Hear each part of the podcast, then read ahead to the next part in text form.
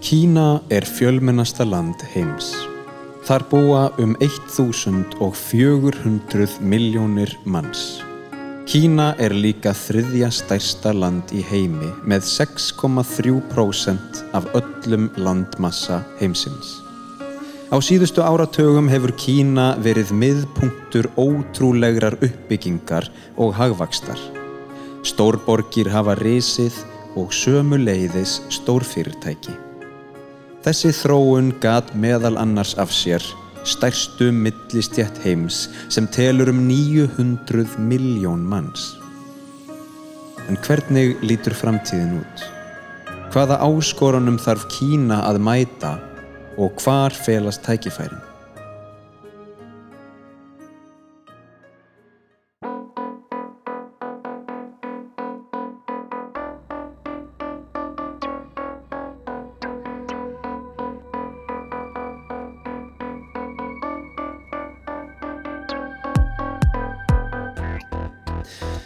Gott fólk, við skulum heyra í kostendum þáttarins, það er Tokyo Sushi, nú er april og það er mánuður ferminganna. Ég mæli með að panta sushi í fermingavisluna því það er gott á bragðið og svo er það líka bara þægilegt, minna uppvask og svona.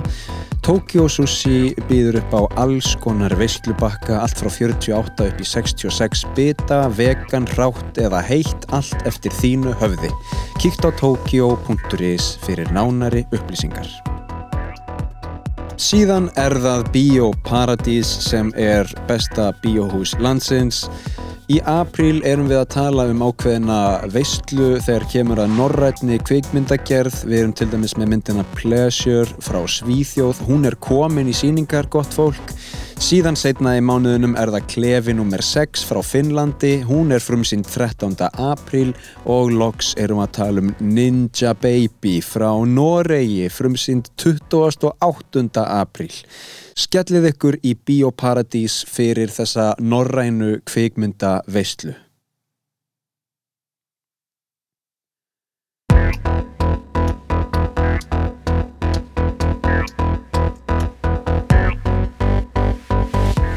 Gott fólk, verið velkomin í þátt nr. 37 af hlaðvarpinu heimsendir. Hingað er komin góður gestur, Guðbjörg Ríki Tórótsen Haugsdóttir. Vertu velkomin. Takk fyrir. Hvað segir gott? Ég er bara res. Ekki? Jú. Við erum hérna komin saman til að ræða Kína. Já, nákvæmlega. Þú ert, um, já má ekki segja sérfræðingur í Kína að einhverju leiti? Jú, jú, að einhver leiti klálega. Doktorsnemi í stjórnmálafræða sem ég er að rannsaka einmitt. Samskipti Kína og Rúslands á norðurslöðum Einmitt. og mér bjá í kínuskum fræðum. Og hefur verið úti og, og tala tungumálið? Já, Já, tala mandarinn. einmitt. Ég hérna, já það er, ég, ég, ég reyndi að læra mandarinn einu sinni. Já, hvernig gekk? Það gekk bara ekkert svo vel. það var að því ég var að læra sko mandarín, ég var að læra mandarín á japansku. Eða í Já, gegnum japansku. Ég því, og ég kunni þá ekki japansku. Þannig að þetta var svona svolítið skrítið sko. Þetta var í skólanum þegar ég var í skiptin á mig út í Japan. Já, Þá var ég svona mættur fullur á eldmóði og ætlaði að hérna læra bara bæði, japansku og kímösku eða mandarin, en um, en kunni náttúrulega ekki neitt. Þannig að ég skipti yfir í frönsku. já. Þá kunni ég allt í húnum freka mikið. En ég get alveg ímyndað mér ef þú færi til uh, Kína og getið skilið heilmikið. Já, Skil- Er það ekki mikið að, að kínuskum táknum í, í japansku og svona? jú, það er náttúrulega er sko, hérna, kanji í, í japanskunni er, er uppistaðan Já, þá menn ég sko að skilja tákninu þetta en ekki já, einmitt. tungumáli sjálf. Sko ef ég hefði lært japansku á hefðbundin hátt þá gæti ég myndið með að þetta væri rétt en ég lærði hana bara með því að tala þannig ég kann voða lítið af táknum Já, ok. en, hérna, en ég er nú að fara til Japan og, og þarf að læra þá þessi kínusku tákn og uh, ég held að einhvers konar gott markmið geti verið sko að læra 500 tákn Já, það er mjög gott að markmið. Ertu, fóst þú í gegnum eitthvað svona þrepa skipt dan tákna lærdóm? Ég fór bara í gegnum svona, held ég frekar hefðbundið kínusku nám. Þetta er þess að bjá í kínuskum fræðum hérna í Háskóla Íslands. Það var tvö ár hérna heima og eitt ár úti. Mhm. Og já, þá lærir maður bara grunninn, en maður lærir þú veist tákn og að tala og allt þetta á sama tíma og að hlusta og svo þegar ég var komin út þá var bara allt kent á kínvesku og bara þú maður þýtti úr kínvesku yfir á kínvesku þú maður þurfti alveg hérna, hafa töluvert fyrir því en þannig að það var frekar holdt að fara út og, og vera í kínvesku umhverfi og hérna Hvert ferðu?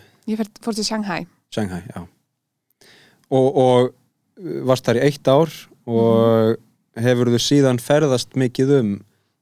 Já, bæði því bjóðin úti þá sagt í, hérna, í kringu kynneska nýja ári þá er frí og, og, og ég og maður minn við ferðumst ótrúlega mikið. Og svo hef ég farið uh, aftur nokkru sinnum, einu sinni í bakbókaferðalag með nokkrum vinnum ég fór svo í hérna, starfsnám við heimskutastofnun Kína og, og uh, svo hef ég farið líka fór sérstaklega ferð til uh, Peking í, á svona her, hernaðar ráðstefnu þar sem ég var að hlusta á varnamálaráðar á Norður Kóri talin hvað bandarengjum var ógislega okkur svona. Þetta var mjög skrítið og áhugavert.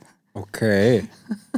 Á kóresku og já, með þýtt á þýtt á ennsku og mandarin Emitt, emitt, emitt Merkilegt, já, ég hef ekki upplifað það Ok, hérna já, við byrjum átt á almennu nótum með svona sko að spyrja hvar fólk var fyrir tíu árum og, og fimm árum. Uh, við erum svona einhver leiti svona, snerta á því.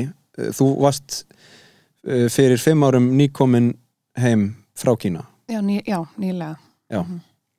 Um, og við tekur mastersnám já, ég fór sko, ég vissi ekkert hvað ég ætla að gera eftir, eftir kynarskuna og, og ég vissi að maður minn hann vildi flytja til Fraklands þannig ég fór svo í frönsku, tók diplóm í frönsku og svo fór ég í hérna e, meistarnám í alþjóðsamskiptum og það var alveg magnað og mæla eindreið með því. Og það ákveði eftir það að hérna skella mig bara doktorsnám. Mér finnst auðvitað bara gaman í bóklegu námi Mhm. þannig að ég ákveð bara að halda áfram og bara hlusta á hjartað og gera það sem ég brenn fyrir. Emmett, og þetta er HÍ eða hvað? Já. Háskal Íslands Næs, og hérna eh, fyrir fólk sem brennur fyrir uh, þessum málefnum um, ertu, er einhverjar kreðsur skilur, ertu í hérna umræðuhópum eða svona einhverjum, ertu að fara á ráðstefnur eða hvernig hérna Ertu að meina hérna innanlands? Eða, Já, bæði, bara innanlands og erlendis Já, já, það er alveg kreðsur, ég myndi alveg að segja það og, og þú veist, líkur sækir líkan heim og maður Mhm. vill að þetta vera í kringu fólk sem að- fyrst lagi hefur áhuga á því sem maður er að tala um og, og svo sem skilur mann líka og Einmitt. hérna og við erum nokkra búin að hópa okkur saman svona ungar konur sem er áhuga á öryggismálum og hérna og erum að hittast og spjalla um öryggismál Já, bara svona mm, já, og það kannski leiðir mann svolítið inn í uh, vangaveltur um það sem er að gerast núna í heiminum. Já, algjörlega. Um, Sko við kannski byrjum bara á Kína almennt. Mm um, ég sko að því að, að því að þú veist Kína er oft í umræðinu og, og hérna en það var mjög fáir farið þangað og fáir sem, sem þekkja eitthvað landið. Eh, hvað, þú veist, hvað er Kína fyrir þér? Hvernig land er þetta fyrir þér? Mm. Fyrir mér er Kína uh, þegar maður er búin að búa í Kína og maður er búin að ferðast um Kína þá skilja maður hvað Kína er ótrúlega fjölbreytt það er bara allur skalin uh, á bæði mat og það eru þetta mismunandi tungumál og mismunandi náttúra og loftslag og allt saman uh, og, en hjarta mér er Kína alltaf Shanghai eða hugsa, þegar ég hugsa um Kína hugsa ég um Shanghai oft og, og hérna og þykir mér mjög vænt um Kína en og líka bara þetta að kynast fólk út um allt, fólk, kynast fólk mjög vinalegt almennt séð. Alltaf til að hjálpa manni og ræða við mann og spjalla og, og, og ég hef sérstaklega áhuga að ræða við hérna leigubilstjóra, þeir eru alltaf til að segja mann allt og vita allt svo mjög lókalt. Og já, bara Kína er flókið og forvittnilegt og mismundi Mm Og ég get ímynda mér að það sé mjög um, mismunandi eftir svæðum. Já, algjörlega um, við, eins og þegar ég var að ferðast einu héræði til dæmis sem heitir Junnan sem á landamæri bæði við Tíbet og Myanmar og þar þá var ég maður minn að ferðast þar og, og í samar héræðinu og þetta héræði stærn en Þískaland þá vorum við í regnskója í, göng, í gungu þar og fórum svo alveg upp í Himalæjafjöllin sem er í þessu eina héræði frekar tölvert mismöndi lofslag mm -hmm. og hvað þá er svona allan skalan Kína við erum með þetta við Xinjiang hér sem er við hérna Kazakstan og, og Úsbekistan og svo erum við með um, þetta uh, innri Mongolíu og við erum með Junnan eins og ég nefndi og já, þetta er bara ótrúlega mismunandi eftir því hver þú ert og maður hefur séð hluta Kína hefur maður ekkert séð allt, allt Kína þannig Nei, ég er nei. eitthvað eftir sko. Og svo er það náttúrulega austur ströndin sem er mjög frábröðin oft á tíðum já, restinni og það eru auðvitað flestar þessar stórborgir uh, og Shanghai, þar sem ég bjó er borg 23 miljóna manna. Og ég raun og veru bara eins og stó, stórt Evrópuríki í raun og veru. Uh, og þetta er ein borg af mörgum. Uh, en það er um það byrja 90% mann sem búa á 50% af landsvæðinu þannig að Einmitt. það er svona hérna bæði með þjættbílustu svæðum í heimi og svo dreifbílustu. Um, er sko eins og þú talar um Shanghai sem svona svipað á kannski lítið Evropaland eða stórtjável um, er þú veist er svona svæðisvitund veist, við erum frá Shanghai skilur við um, þetta er okkar fótballtalið og eitthvað svona skilur Já, kannski sérstaklega með lokal Shanghai búa. Shanghai er svolítið, mm, ef ég á að byrja þetta saman við eitthvað, þá oft eins og fólk flytur til New York til þess að reyna að meika það. Fólk Mhm. flytur til Shanghai til að reyna að meika það. Þannig að til dæmis á e, í kringum kynneska nýjárið þá tæmist borginæstu því. En það er auðvitað stór hlutið hennar sem er lokal Shanghai búar og er með sitt Shanghai tungumál, Shanghai ísku.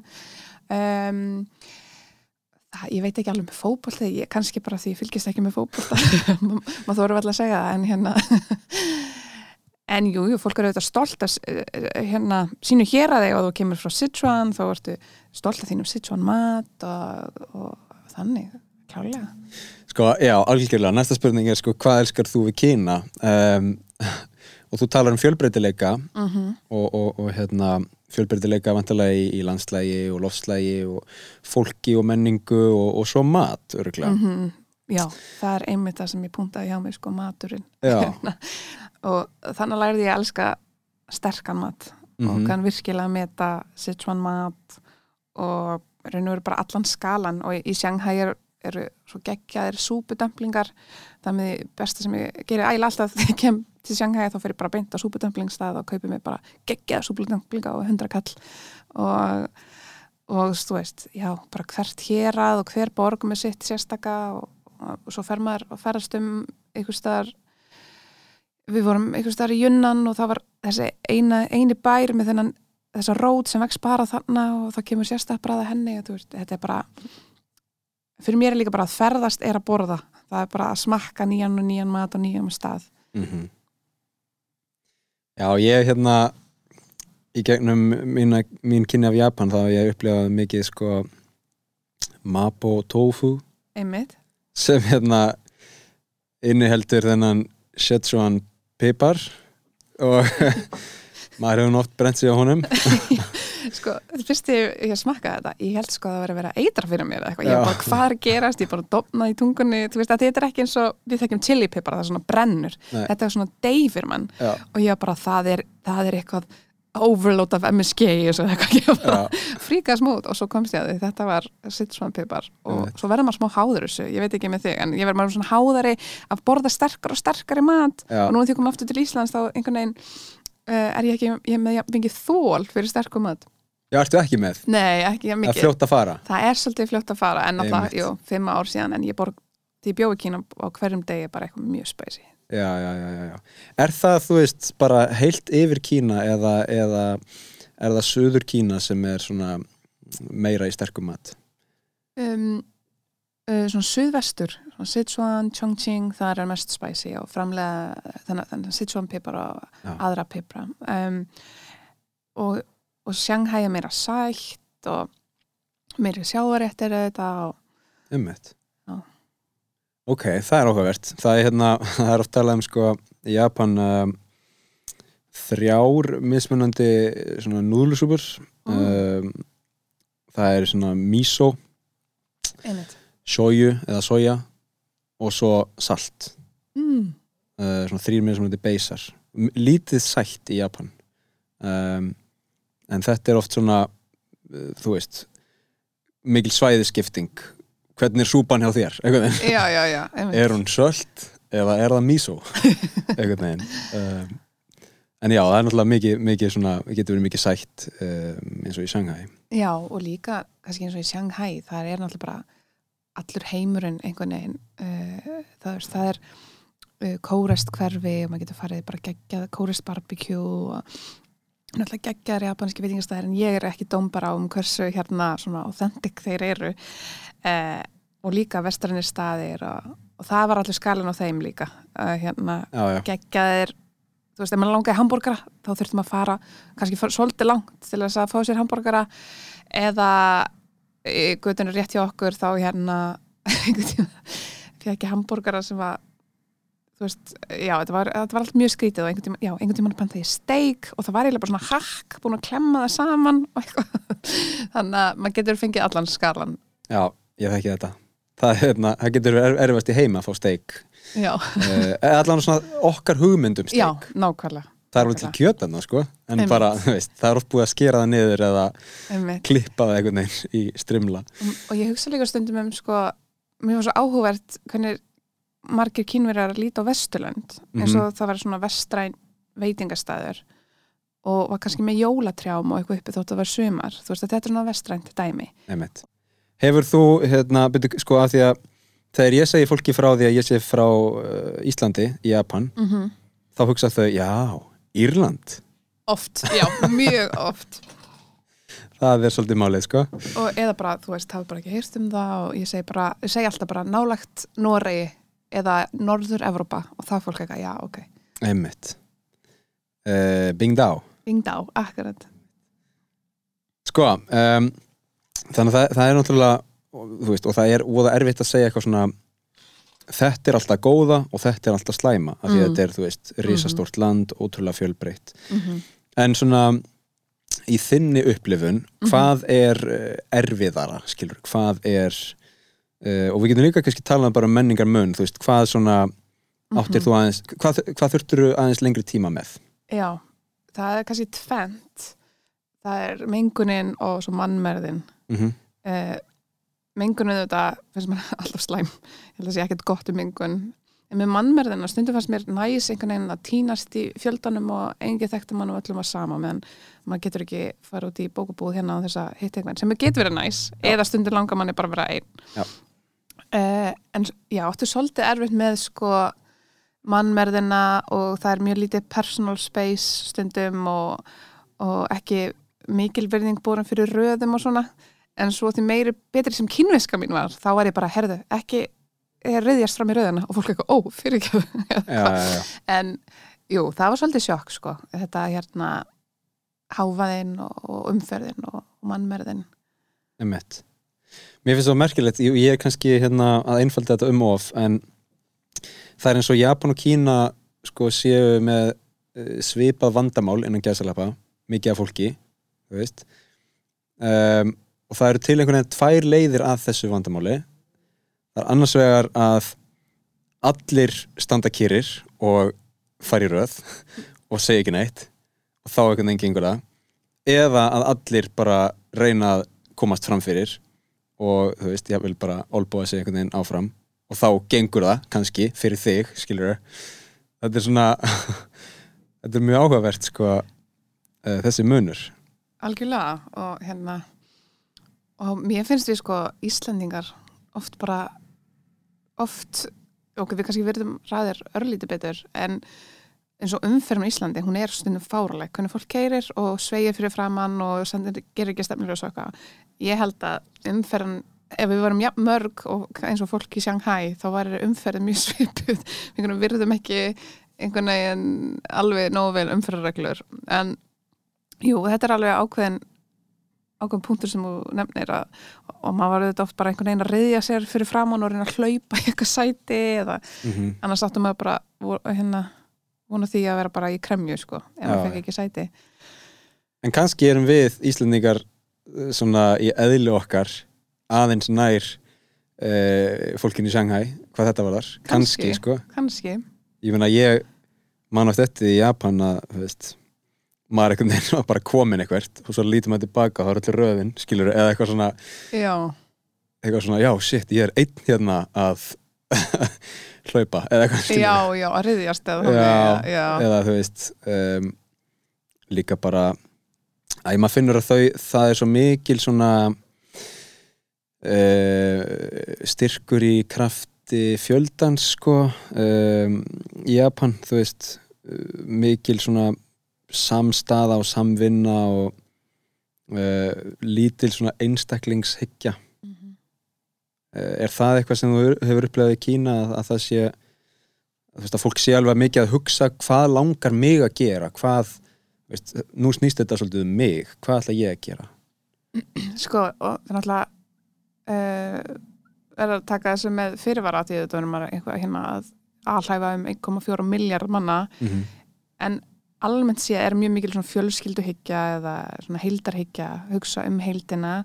Jú, þú reynir að ná þínu draumum en ef það sem fjölskyldaðin vill frekar er að þú fari í tölvunafræði heldur en leiklist, þá ferð þú í tölvunafræði skilur við hvað ég við og Einmitt. hérna auðvitað er það mismöndi og fólk mis hérna með mismikla áhyggjur og pressa á þessu en almennt sér er mjög mikið pressa á ungu fólki og þetta kemur auðvitað líka með einbörnistefnunni Mhm. að þú mátt bara eignast eitt barn og, og ég meina, sósíalkerfi í Kína er ekki mikil þannig að hver á að hugsa um því þú ert og gamall? Barnið þitt þannig að það er mikið pressa á ungu fólki að, að vinna mikið og fá eik- vinnu sem þénu vel af því þú ert ekki bara að hugsa um sjálfa þig Mhm. þú ert að hugsa um fóreldrana líka og kannski fóreldra maka eins í leiðinni Mhm. og meðan amma og afi kannski sækja í leikskólan og þess áttar en svo verður svolítið áhugað að sjá hvort og hvernig þá þetta breytist núna þegar má eignast tvö börn uh, í staðin fyrir eitt Já, það er, það er áhugavert sko en, og svona minnstur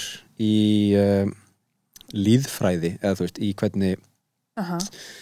hvernig hérna uh, fólk skipast í uh, aldurshópa og, og annað slikt innan hvers lands tekur náttúrulega ára tugi að hafa einhver áhrif um, ég meina hven, hvenar uh, á hvaða tímabili er þessi einbyrnis stefna? ég man ekki hvenar hún uh, byrjaði en það var allavega fyrir 76 uh, og alveg þar til fyrir hvað, tveimur, þreimur árum. Já, já, já, einmitt. Þannig að það er rosalega já, að það er ekki mörg uh, margir uh, kannski kynverið sem eiga sískinni nema það var undartekning fyrir svona viðkenda minni hluta hópa af, Já. af öðrum uh, þjórnis ættum Heldur að þetta sé svona ákveðin áskorun fyrir Kína í náinni framtíð? Uh, svona, hvað segir maður eftirkost eða, eða áhrif þessara stefnu Ég held kannski að þessi stefna eigi að reyna að stemma stigu við kannski helst áskorunum. Það er að segja uh, að halda efnahæginum gangandi, að hafa uh, mann, hérna, þjóð sem er eldast smám saman. Uh, þannig að finnst, ég held að tvíbyrnistefnan tengist því að, að, að stemma stigu við þessum áskorunum. Já, sem sagt breytingin frá því að mega eiga eitt barn og svo yfir í tvö Tvö. þá Já, Já, af já, algjörlega að því að það hérna, já, vegna þess að, að, að við sjáum alveg hvert trendið er og það er að, að þjóðin er eldast Mhm. og það þarf að halda efnahænum gangandi, þetta er útflutningsmiða ríki og þess áttar. Einmitt. Heldur að, hefur þú heyrt ykkur rattir um hérna svona tæknivæðingu og, og já, vel eitthvað svona robotatækni tengt sem kemur inn á þetta um, nú bara hefur maður heyrt sko að því að þetta er náttúrulega svipa vandamál og er, er að eiga sér staði í Japan uh, tíu sinnum minni þjóð í fólksfjölda uh, tæplega og, og hérna svipuð þróun, það er mjög hár meðalaldur í Japan og sömuleiðis Suðu Kóri og sömuleiðis hérna, Þýskalandi og bara viðsöður um heiminn og þá fer maður að hugsa, ok, annarkvort þarf um, til dæmis Japan að breyta sinni útlendingastefnu og vera bara aðeins meira líp og aðeins uh, meira tilbúið að bjóða fólk velkomið til Japan til að sinna þessum störfum sem, sem þarf að sinna. Eða að finna þá einhverja aðra laust sem ég veit ekki hver er þið en, en þú veist, þau eru alltaf með þessa robota og eitthvað svona. Já, þú meina þannig að róbotinu sé notaðir í, í störfum. Já, ég, þú veist um, e- eða kannski ekki robotar en, en svona þessi sjálfvirkni væðing að, að hérna það sé í lægi að fækka störfum af því að uh, þú getur sjálfvirkni vætt alls konar kerfi og ferla. Ég held sko að þessi sjálfvirknivæðing er klálega í gangi í Kína, maður getur, e, þú veist, það er, það er til búðið þar sem maður kemur bara og skanna QR-kóða og fær matinn e, og líka maður á veitingastað og getur bara að skanna QR-kóða og stemplað inn í símanu sínum hvað maður vil fá og svo kemur bara þjótt með það, hann kemur annars ekkert á borðið. mm -hmm.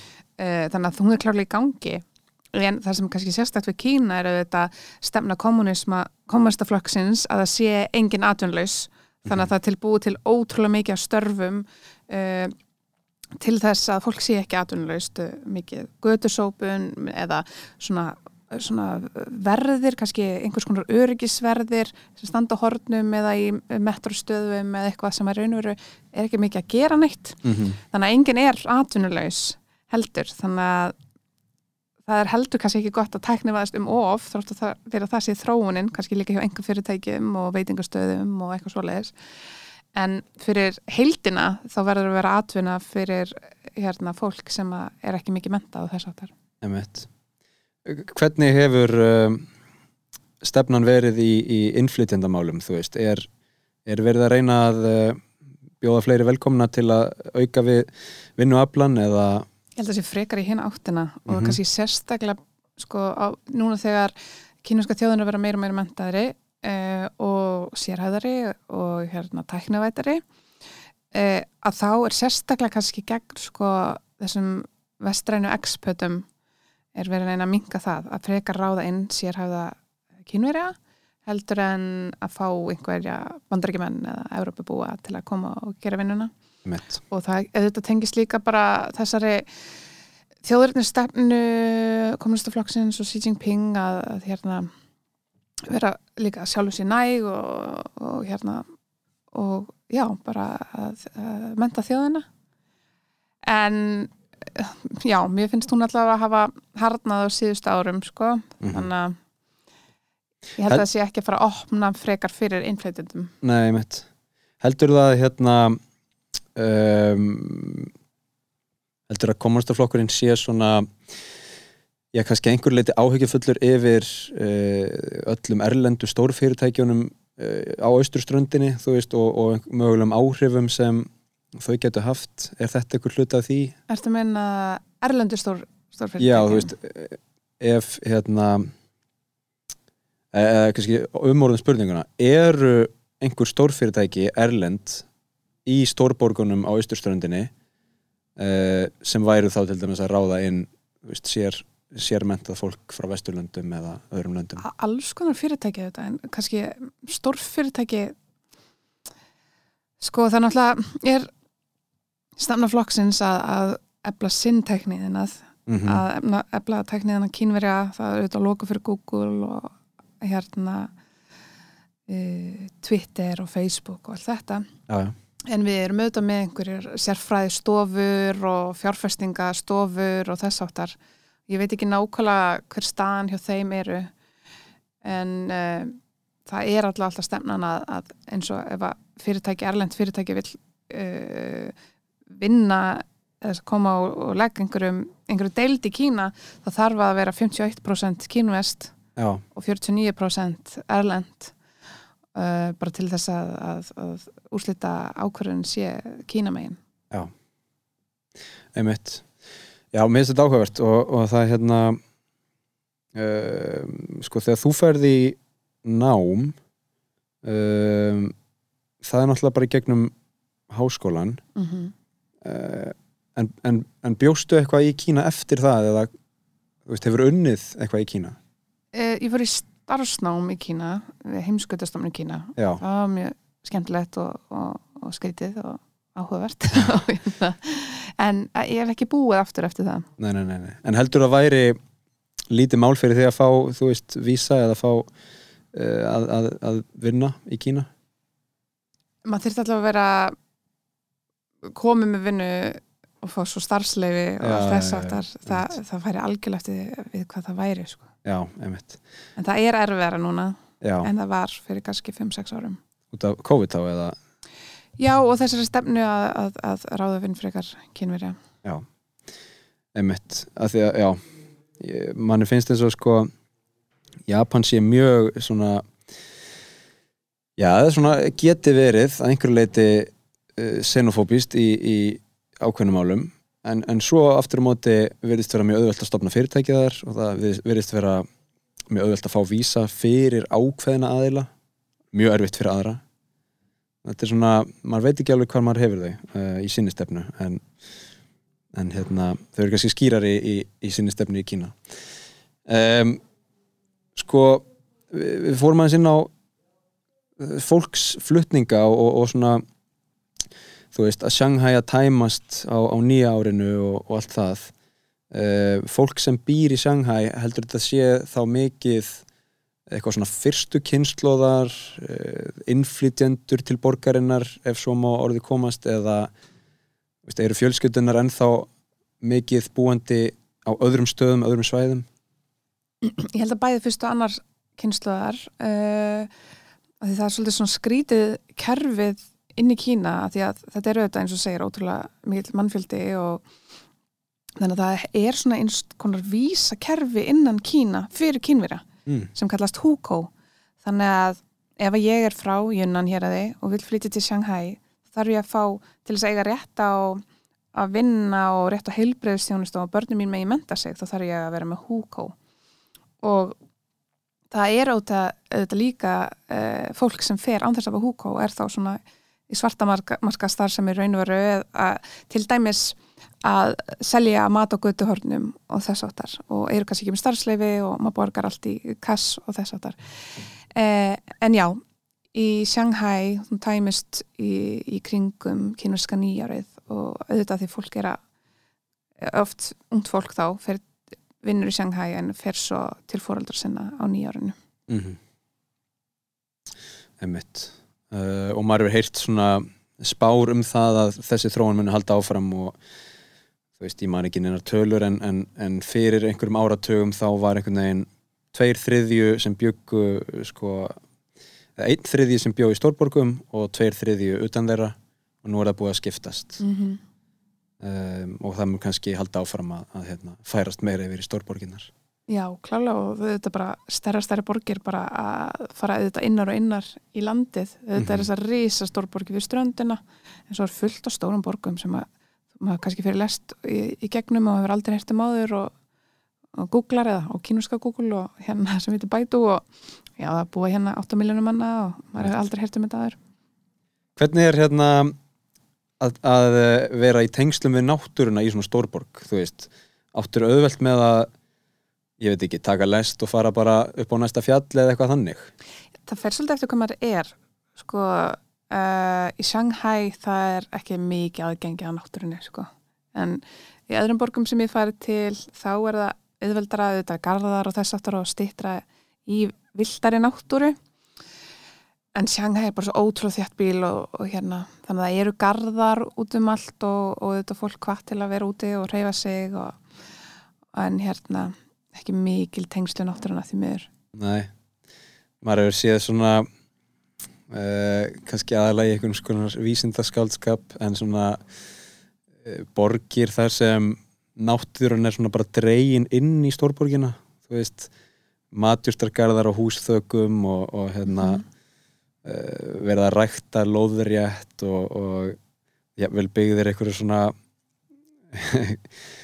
einhverju svona glerhísi skiluru þar sem þú getur farið inn í frumskóin Já, einmitt Þetta er kannski ekki alveg komið að það stig hún er Nei. kannski ekki alveg svo horfin en hérna, en samt finnst þú að nefna þetta því Shanghai til dæmis er eh, myndin Her, hefur þið séð hana með hún er að miklu lítið tekinn þannig upp okay. þetta gráa, náttúrulega vel valið ekstra svona gráar byggingar og þess að það mm -hmm. en hérna, ég fekk alveg nostalgíu að horfa hana Já, okay. og þetta er einhver svona sci-fi eh, alternativ heim, hérna heimur Já, þetta á að vera sko held í Los Angeles eða eitthvað Já, það í framtíðinni Já, merkilegt um, Ef við skiptum aðeins yfir í belti og braud mm -hmm.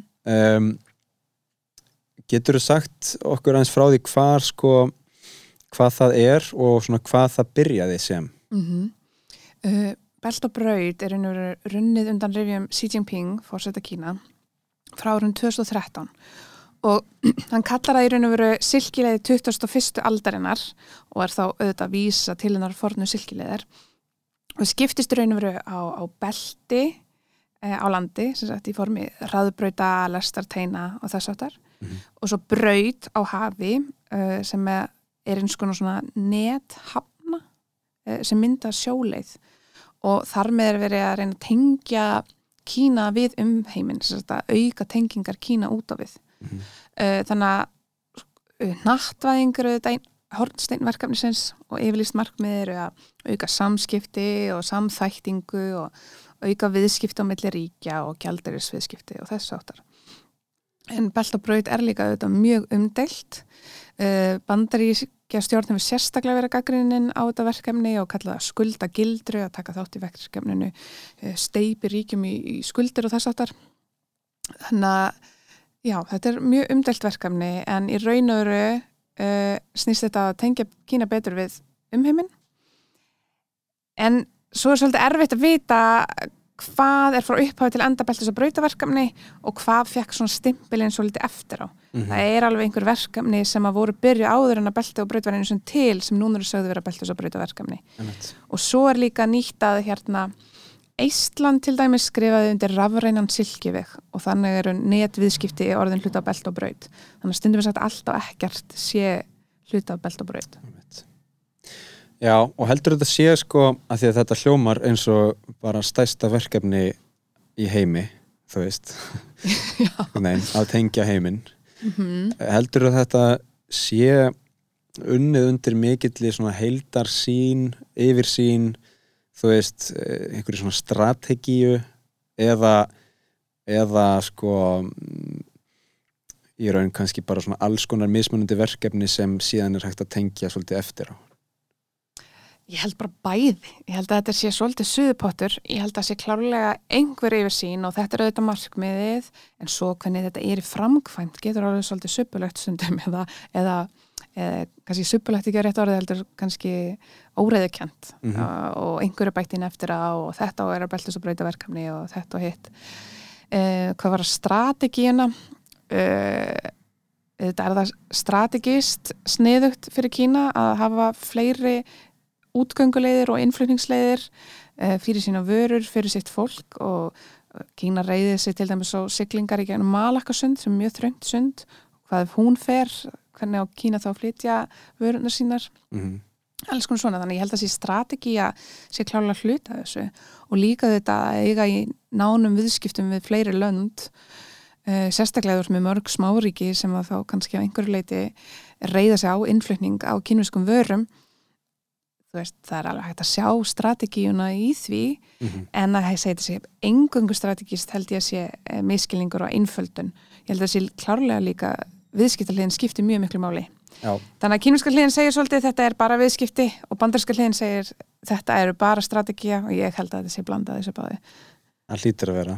Um, af því að svo er sko, þetta er örgulega verkefni sem telja hundruðum og maður heyrir um þú veist, þessi 5 eða 6 eða 7 sem einhver gæti kallað svona skuldagildrur og, og allt það og þá kannski heyrir maður ekki um hinn þú veist, 493 um, heldur að, að það sé bara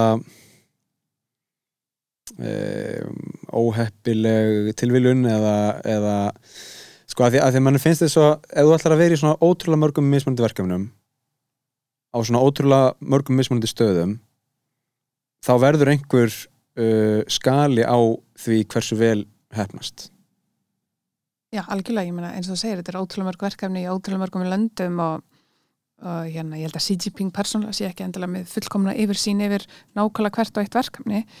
Eh, en það sem er kannski, ég hef skoðað sjálf eh, í mínum rannsóknum er, eh, er aðstæður í Sri Lanka. Mm -hmm. og það sem gerist þar er að hérna Sri Lanka ríkistjónum þar vildi skrifa undir belt og braut og vildi fá sem sagt fjárfæstingu í höfn, Hampantóta höfninni í Suður Sri Lanka uh, kínversk fyrirtæki uh, komu og byggðu upp höfnina en svo var í raun og veru uh, þegar reyð á að ekki mikill svona viðskipta ekki meir, mikil svona rauk fyrir viðskiptunum og rauk fyrir því að hafa þessa höfnana því það voru raun og verið engin viðskipti, það var engin umskipun og það var eða, lítil sem engin og hún Mhm. stendur næstum því auð þessa höfn Mhm. Uh, og þá auðvitað er, uh, er höfnin komin í vandræði og það sem gerist þá er að til þess að vega á móti lánunum sem að ríkistjónin hafi tekið til þess að fjárfesta í þessu og þau hefðu tekið þessi lán hjá kynuskum ríkismengum fyrir kynust fyrirtæki að byggja upp höfnina. Að þá fær sérst kynust fyrirtæki leigurétt á höfninni til 99 ára og þá sér um höfnina og, og hefur einu rauð stjórn yfir henni. Og þetta er það sem að bandaríkinu kalla á þessu skuldagildru. Að raun og veru að lítil ríki sé að skulda, uh, skuldbenda sig og taka of hálán sem ég get ekki staðist undir þannig að Kína kom og taki yfir landsvæði hjá þeim. En í raun og veru, já ég, veist, það er ákveðinu punktur í þessu. Þetta er samt leigur eftir til 99 ára en er hægt að framlengja til 199 ára og þetta hljómur auðvitað ekkert selga vel. Mm -hmm. eh, en þetta er kannski ekki bein landtaka en auðvitað þetta er þetta mjög sérstakt og, og, og skrítið að hérna, ríkistjónin í Sri Lanka hafi ekki hugsað þetta út. Eh, og kannski skiljanlegt frá þessu sjónarhóndi að, að verkefnið sé gaggrínt mm -hmm.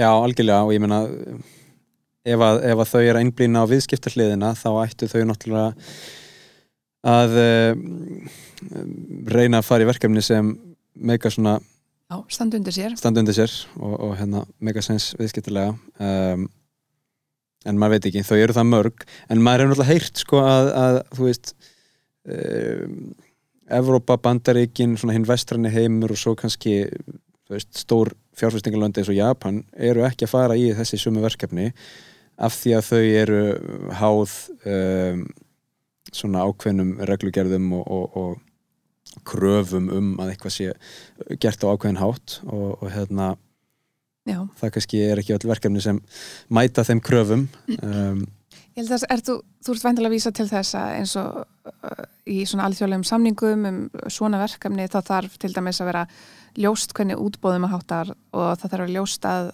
mannréttindi séu virt við uppbyggingu á innviðum og þess að það Já, til dæmis Já, og það er einmitt ekki beltisökurítar og það er það hefur verið gaggrind sérstaklega að það er ekkert ljóst hvernig þetta, e, þetta útbóð átti sér stað eða hvort og þá hvernig og verða mannréttindi og þess að það Já um, en ef við spólum áfram í bara framtíðina hvað hérna uh, hvað heldur þú að þetta verkefni, hvað áhrif heldur það hafi fyrir Kína til langs tíma? Já, kannski eftir að koma svolítið ljós það sem að mér finnist gerast síðastlegin kannski þrjú, fjör ár er að uh, Evrópa uh, hérna hefur kannski svolítið litið burtu frá Beltabraut fyrst fannst uh, sérstaklega Austur-Evrópu og það var að vera að tala um þetta í Finnlandi og Ístursalllandunum að taka þátt í Beltabraut núna kannski sérstaklega eftir innræðsin í Ukrænu er auðvitað Vesturland og líðræðisríki að, að þjappa sér betur saman. Þannig að það ásvöldi eftir að koma í ljós hvað mun gerast fyrir belt og braud í því samhengi og hvort að kynverski kommunistaflokkinin halda áfram að reyða sér þá frekar á svona einræðisríki í samvinnu eða hvort þau mun halda áfram að reyna að pressa á Evropaland að taka þátt. Mm -hmm. Ég er ekki alveg viss hvert, hver framtíðin verið skutið sér hvað það verðar. Nei, það er nefnilega erfitt, af því að eins og staðan er í dag þá náttúrulega er risastór hluti af, af kínverskum viðskiptum eh, erlendis í hennum vestrana heimi. Já, helsti viðskiptali Kína er bandaríkin og þar á eftir kemur Evrópusambandið í hildsinni. Mm -hmm. eh, svo eru auðvitað, eh, er Rúslandir í tóltasæti yfir helstu viðskiptaðila og, og, og auðvitað í Asíu, fjölmörgríki sem að Kína á í eh, viðskiptum við og samskiptum við. Þetta bara eftir að ég ætla ekki að fara að spá mikið um framtíðina kannski Nei. Heldur það að hérna Rúsland og Kína sé, e, sé að eiga í vinasambandi eða, eða heldur það að það sé einhvers konar strategíst samband? Sko, formlega er búið að koma á bæði vina og strategísku sambandi eh, 2019 lístu Putin og Xi Jinping því yfir að þeir væri að koma einmitt á strategísku sambandi og eh, minnum á sama fundi kallaði Xi Jinping Putin sem nánast á besta vinn sem er kannski smá sorglegt, hann er ekki að betri vinn en Putin en hérna uh, þannig að það sem ég held að gerast er að ríkin vilja að líti út af við eins og þau séu mjög náinn en í sögulegu samhengi hafa samskiptin oft stað og bröðfótum og verið Mm. mikið vantraust. Þannig að það er kannski svolítið líka það sem ég er að rannsaka í mínu verkefni, doktorsverkefni er eh, hversu þegar reyðar á hversu náin eru þessi ríki. Mm og þá sérstaklega þegar kemur að, að strategíu og hernaði Einmitt. Maður hefur náttúrulega heyrt að sko Austur, Rússland, Sýberia og, og fleiri svæði séu að miklu leiti mm, já, hvað getur maður sagt eigi svona einhverjar svipaðar ættir að reykja til Kína. Um, heldur að það sé eitthvað eh, heldur að þessi svæði séu eitthvað að horfa meira í þá átt heldur en til Moskvu? Nú er ég bara ekki viss. Nei, ég veit ekki Nei það er kannski hérna það er alltaf lögst að, að Peking er að horfa til Moskvu klálega já, og öfugt Einmitt. Hérna eh, ef við förum aðeins inn í bara sko hagkerfið um, nú er kommunistaflokkur við liði í Kína. En, en, en sko hvern, hvernig myndir þú segja að hinn kínverski kapitalistmi væri? Sko, ofinbera hugtækið yfir þetta er að þetta sé sósialist markaðsagakerfi með e, sér kínverskum enginum eða kínverskum sérenginum Mm -hmm. og má í raun og veru líta á þetta svolítið sem ríkistýrðan kapitalisma e, það eru þetta stranga reglur eins og við rættum um um erlend fyrirtæki að koma inn og það þarf að vera í meiri hluta eigu, e, eigu kínverja og um stóra stóra ríkisbanka en þeir eru þetta fjárfesta líka í enga fyrirtækjum og fólk, fólk stofna sín fyrirtæki og, og selur sína vörur og, og kaupur mikið á netinu og á tábá og þú getur pantað eitthvað og komið eftir 20 mínútur hérna fyrir utan dyrnana hjá þér. E, þannig að og kynverski kommunistaflokkunum vill auka enga næslu þannig að þetta er svolítið skrítið finnst manni, þetta er, þetta er kommunismi en samt ekki og þetta er Mhm. Kapitalismin samt ekki. Þetta er svona skrítin blanda. Já, en ég meina þau hafa þó allavega sko það tromp í hendinni e- ef svo má orði komast að, að e, með kommunistaflokknum geta þau einhvern veginn e, svona framfyllt e, kannski einsleitari stefnu heilt yfir stórt land þú veist um, og maður, manni, sko, með dettur í huga alls konar svona risastór verkfræði verkefni hérna einhver svona vassveitur þvert yfir landið og eitthvað sem væri kannski mjög erfitt að, að koma í framkvæmt annar staðar Já, og ég menna að að hafa langtíma sín, það er engin að bjóða sig fram á móti, það Nei, er ekki nákvæmlega. ofinbarlega kostningar uh, að því við vitum þá er kynverski kommunistaflokkurinn við völd áfram svo árum, ef ekki áratugum skiptir Hvað heldur þú að þau sjáu langt fram í framtíðina? Það er alltaf sko þessar 15 ára áallanir en ég heldur sé að horfa til lengri tíma, allavega 50 ár fram í tíman, Mm -hmm. en kannski í praxís er þetta þessar 15 ára áallanir Hefur þið heyrt eitthvað um þessi hérna, verkefni það sem verður að veita vatni e, úr suðrinu til norðurs? Ekki mikið, ég þekki ekki mikið. Nei, maður hefur bara séð myndir af þessu, það er svona risastórar uh, uh, vassleiðslur eða einhvers konar svona, þú veist, þetta er bara verkefni sem maður geti ekki ímyndað sér neistar annars þegar enn í Kína sko, einmitt. á þeim skala sko. En uh, nú er svona, svo hefur maður heyrt sko og maður þarf einhvern veginn alltaf að, að setja sér í smá stellingar varðandi það sem maður hefur heyrt um Kína og, og hvaðan það kemur og, og hérna hvort að það geti reynst 100% rétt eða ekki en, en maður heyrt sko að það sé svona einhvers konar uh, samfélags uh, kreditkerfi Já, social credit system er þetta að tala um það? Já, Sko, já, það er mikið talað um þetta og talað eins og þetta sé í öllu Kína uh, allstæðar en það er ekki alveg svo einfalt. Það virðist vera að það sé verið að koma einhver svona kerfi í einhverjum borgum og bæjum þar sem að það, þú fær sér satt uh, svona, uh, svona smá stig eða kaupir það sem er kommunistaflokknum finnst gott, það er að segja kaupa bleiur eða kaupa hotlan mat eða eitthvað. En ef þú ert að kaupa áfengi eða eitthvað þá kannski færi minna. Eða ef þú ert að deila einhverju gegn kommunistaflokknum þá færi minni færi stig eða missuru stig. Og þetta minnir mig bara þetta svolítið á hérna Black Mirror þáttin sem er kallast Nosedive ég veit ekki hvort þú hefur séð það sem er verið að gefa hverjaður stig og þess aftar uh, eða hérna The Good Place, það sem að fær stig eftir hversu duglegur maður er og góður. Uh, en þetta þetta verðist verið einhvers konar tilraun og það er kannski ekki alveg vitað að hversu miklu leiti kemur þetta uh, beint að ofan og hversu mikið er þetta eitthvað lokal stjórnmálamenn að gera þetta.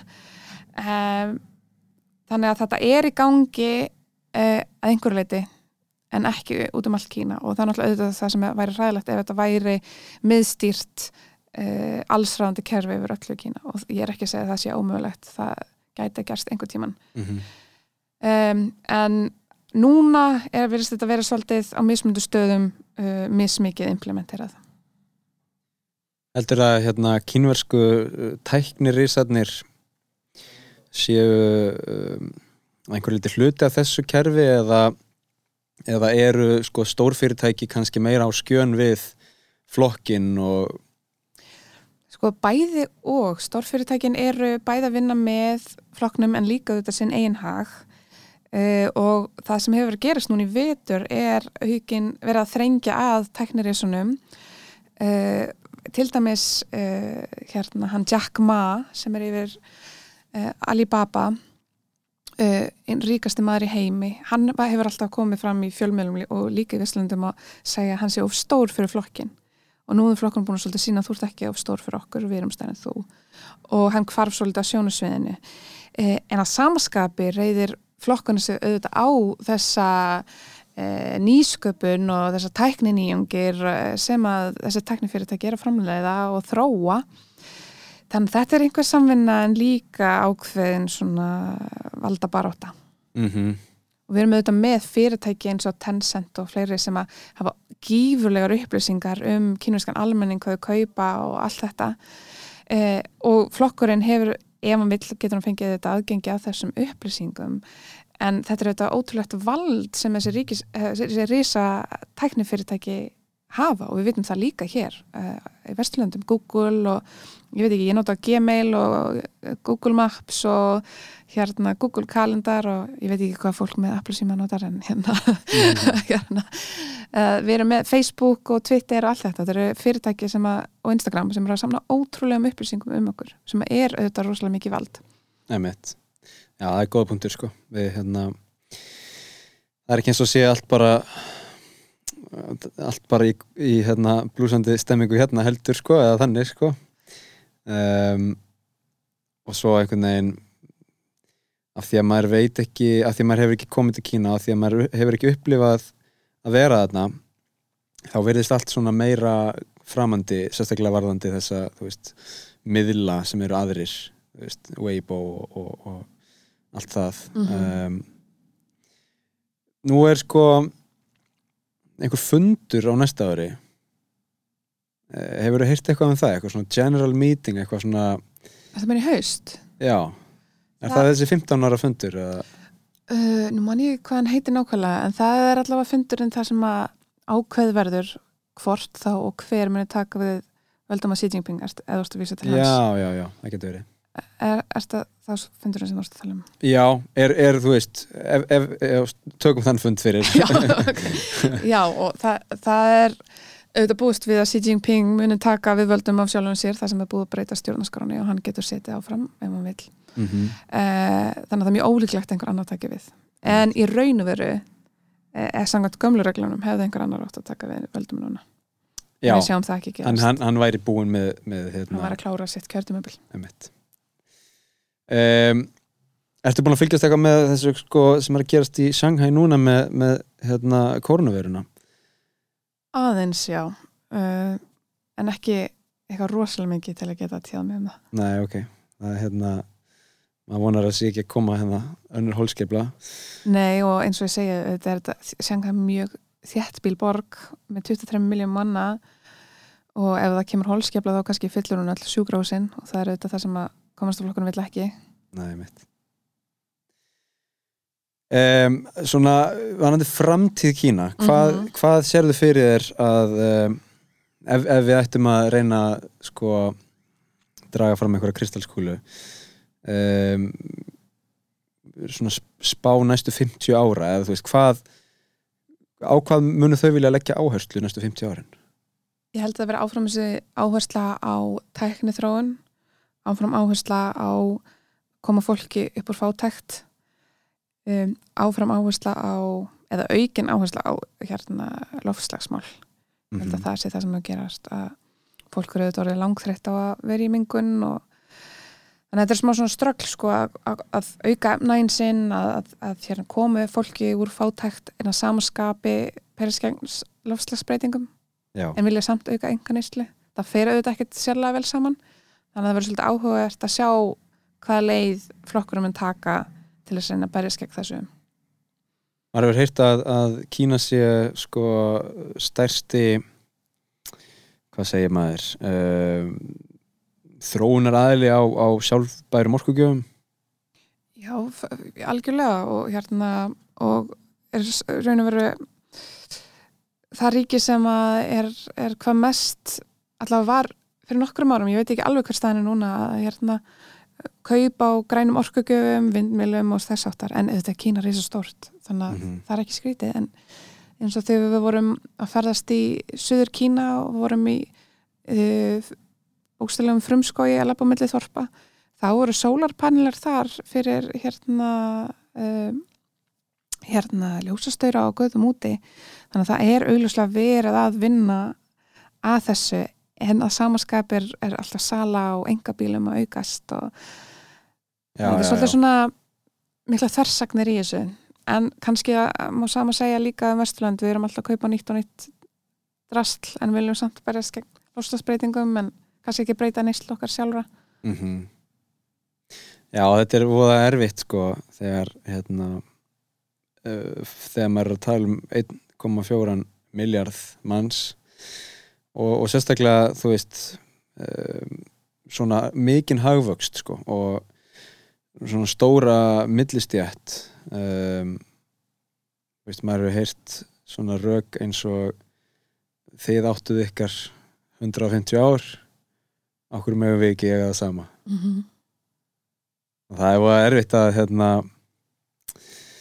einhvern veginn svara því sko um, en vonandi getur Kína þá verið bara að einhver leiti leiðandi afl í, í þessari breytingu sem þarf að eiga sér stað Já, vonandi, Kína þarf allavega vissulega að taka þátt og bandaríkja líka því þessi ríki menga mest. mm Þannig að já, þetta eftir svolítið að koma í ljós.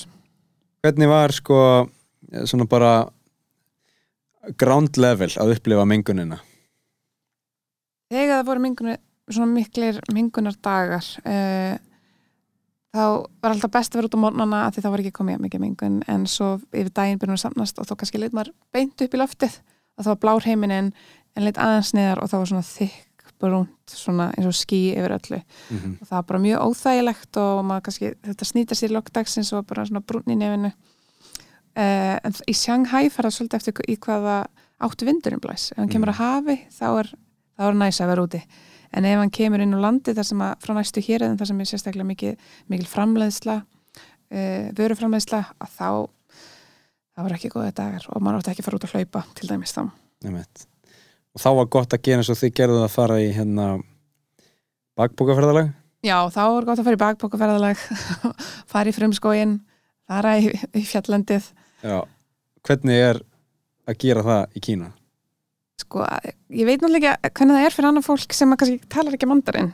Nei. en sko, kosturum við að tala yfir mandarinn í Kína er að fólk alls þar skilur mann.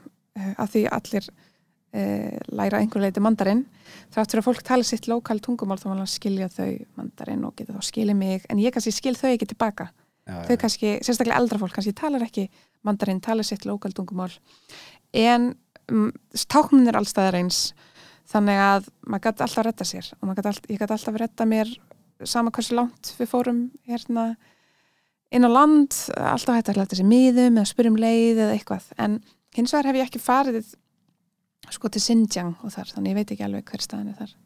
Já, einmitt.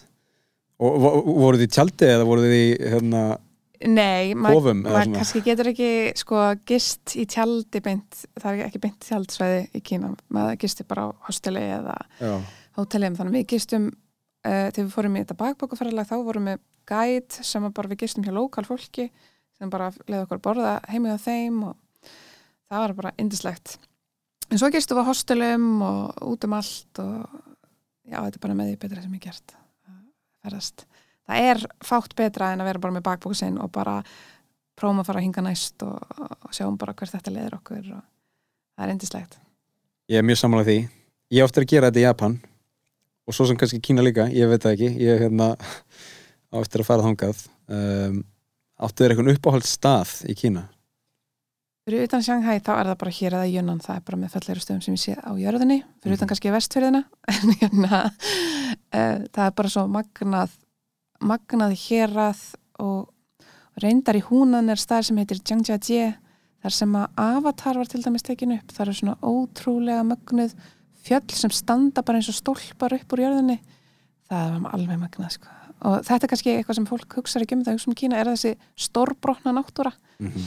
en það eru ótrúlega ótrúlega falleg fjöll og, og hérna frumskóar og skóar og en ég myndi segja það, Jiangjiajie og, og svo bara allt Yunan hér að eins og leggur sig það er alveg magna Já. Eh, kannski að lokum, hvað hérna, hvernig er sko að eh, ferðast um heiminn með tungumálið mandarín og þessa vittnesku um Kína? Um, hitt, þú veist, hittir þú oft kínverja eða, eða fólk frá, frá Kína uh, einhvern veginn í öðrum löndum og getur tengt strax inn eða skilur þú hvað, hvað er að fara? Já, ég veit ekki hvort að ég sé skrítin en þú veist ef ég hérna ég var til dæmis í Puerto Rico og þar var einhver hópur kínur að tala saman og, og ég bara svona saknaði svo mikið að tala kínurska ég byrjaði bara að tala við þau og þau tóku bara mjög vel í það og uh, þannig ég reyna alltaf því ég get að tala kínusku og svo bjóð ég í París og bjóð í 13. hverfi og það er mikið að asískum veitingastöðum til dæmis uh, fólk frá Kína sem bjóð fyrir neðan mig bókstala sem voru með svona dumplingstað þannig ég var alltaf þar eitthvað að spjalla og þannig að þetta er einhver svona, svona skrítið að vera með einhvers konar heimþrá til land sem er ekki uh, þitt uppruna land en ég fæ oft svona heimþrá til Kína mér langar til Kína og mér langar að hitta kynust fólk og tala kynusku og borra kynusku mat og... Já. Ég tengi. Já, Herðu, frábært. Ég hérna, held að við séum bara búin að kofera það nokkuð vel. Um, við þurfum kannski að taka bara ránd tvö einhvern tímann setna þegar hérna, ef eitthvað, ef eitthvað, hérna, eitthvað svaka vendingar verða. Um, eitthvað að lokum. Hvernig sér þau sko, hvernig sér árið fyrir þér 2022? Persónlega, Já, ég ætla bara ég ára að reyna að skrifa svo mikið við geta doktorsreikirinu minni, það er markmiðið mm mm. mögulega er ég fært til Grænlands það var ekki ekki að, það er draumurinn líka Ertu komið titil? Eða á, ertu ennþá að þróa? Ég er ennþá að tróða titilinn sko það, það áttur eitthvað mjög ljós Ég ætla að reyna að hafa hann ekki om klísjulega en eitthvað of mikið Drekinn eitthvað Já, já, já. Þetta ekki nú ísbjörnin. Já, Það er mjög gott, Guðbjörg Ríkei, ég þakka þið bara kærlega fyrir komuna. takk fyrir bóðið